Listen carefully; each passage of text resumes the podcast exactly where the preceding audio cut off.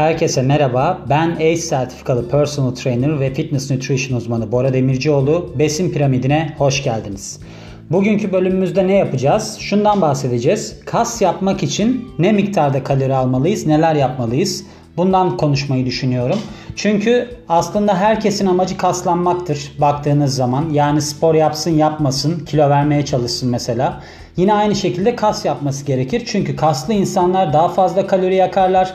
Daha iyi bir postürleri olur. O yüzden de herkesin aslında bir miktar kasının olması gerekir. Peki biz kas yapmaya karar verdik. Nelere dikkat etmemiz gerekecek? Bununla ilgili bir makale çevirdim sizler, sizler için.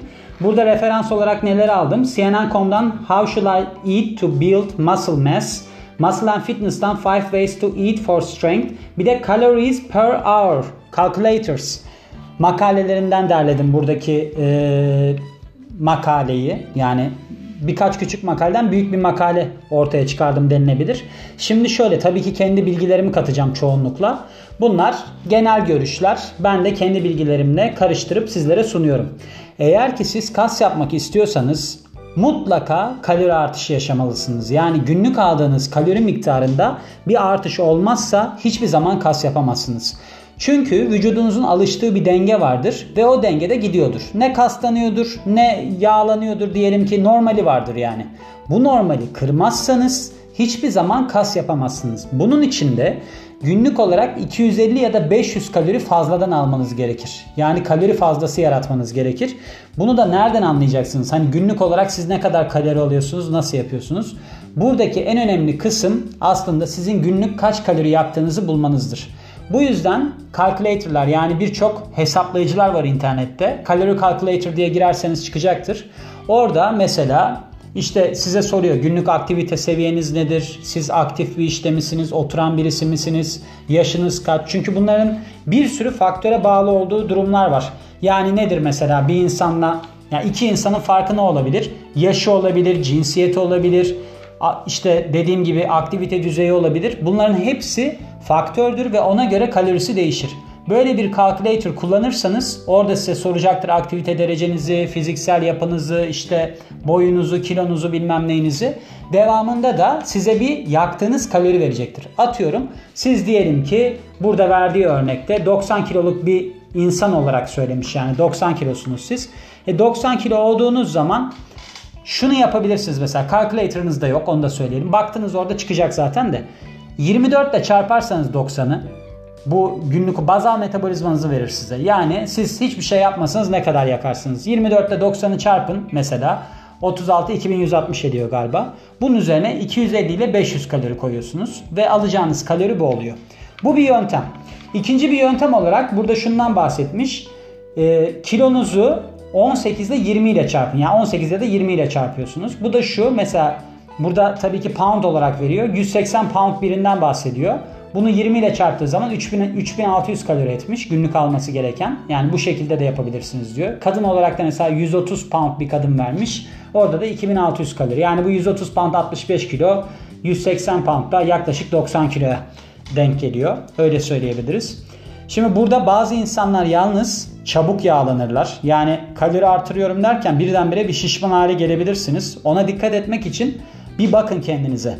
Bakın bakalım ne kadar zaman mesela bir 3 hafta deneyin. 3 haftada siz çok yağlanırsanız 250 kalori ile 500 kalori arası dedim ya siz biraz düşürün onu. 500 değil de mesela bir 300'e düşürün. Gene yağlanıyorsanız 250'ye düşürün. Minimumda orada kalsın. Ama bir miktar yağlanacaksınız zaten onu söyleyeyim. Bu arada şöyle insanlar var. Ben çok karşılaştım bunlarla. Kaloriyi artırın diyorum. Gidiyorlar atıyorum işte 9 kat tat yiyor. Gofret yiyor kaloriyi artırayım diye. Böyle değil. Burada bahsettiğimiz kalori artışı eğer ki karbonhidrat olarak artırılacaksa taze meyve olabilir, sebze olabilir, işte tam tahıllı yiyecekler olabilir o şekilde. Ya da tabii ki her zaman öğünlerinizde balık olacak. Yani et olacak, yumurta olacak, kaliteli protein kaynakları olacak. Bir de hormon üretiminin ve de vitaminin emilimini lazım. ADEK biliyorsunuz yağda eriyen vitaminler var.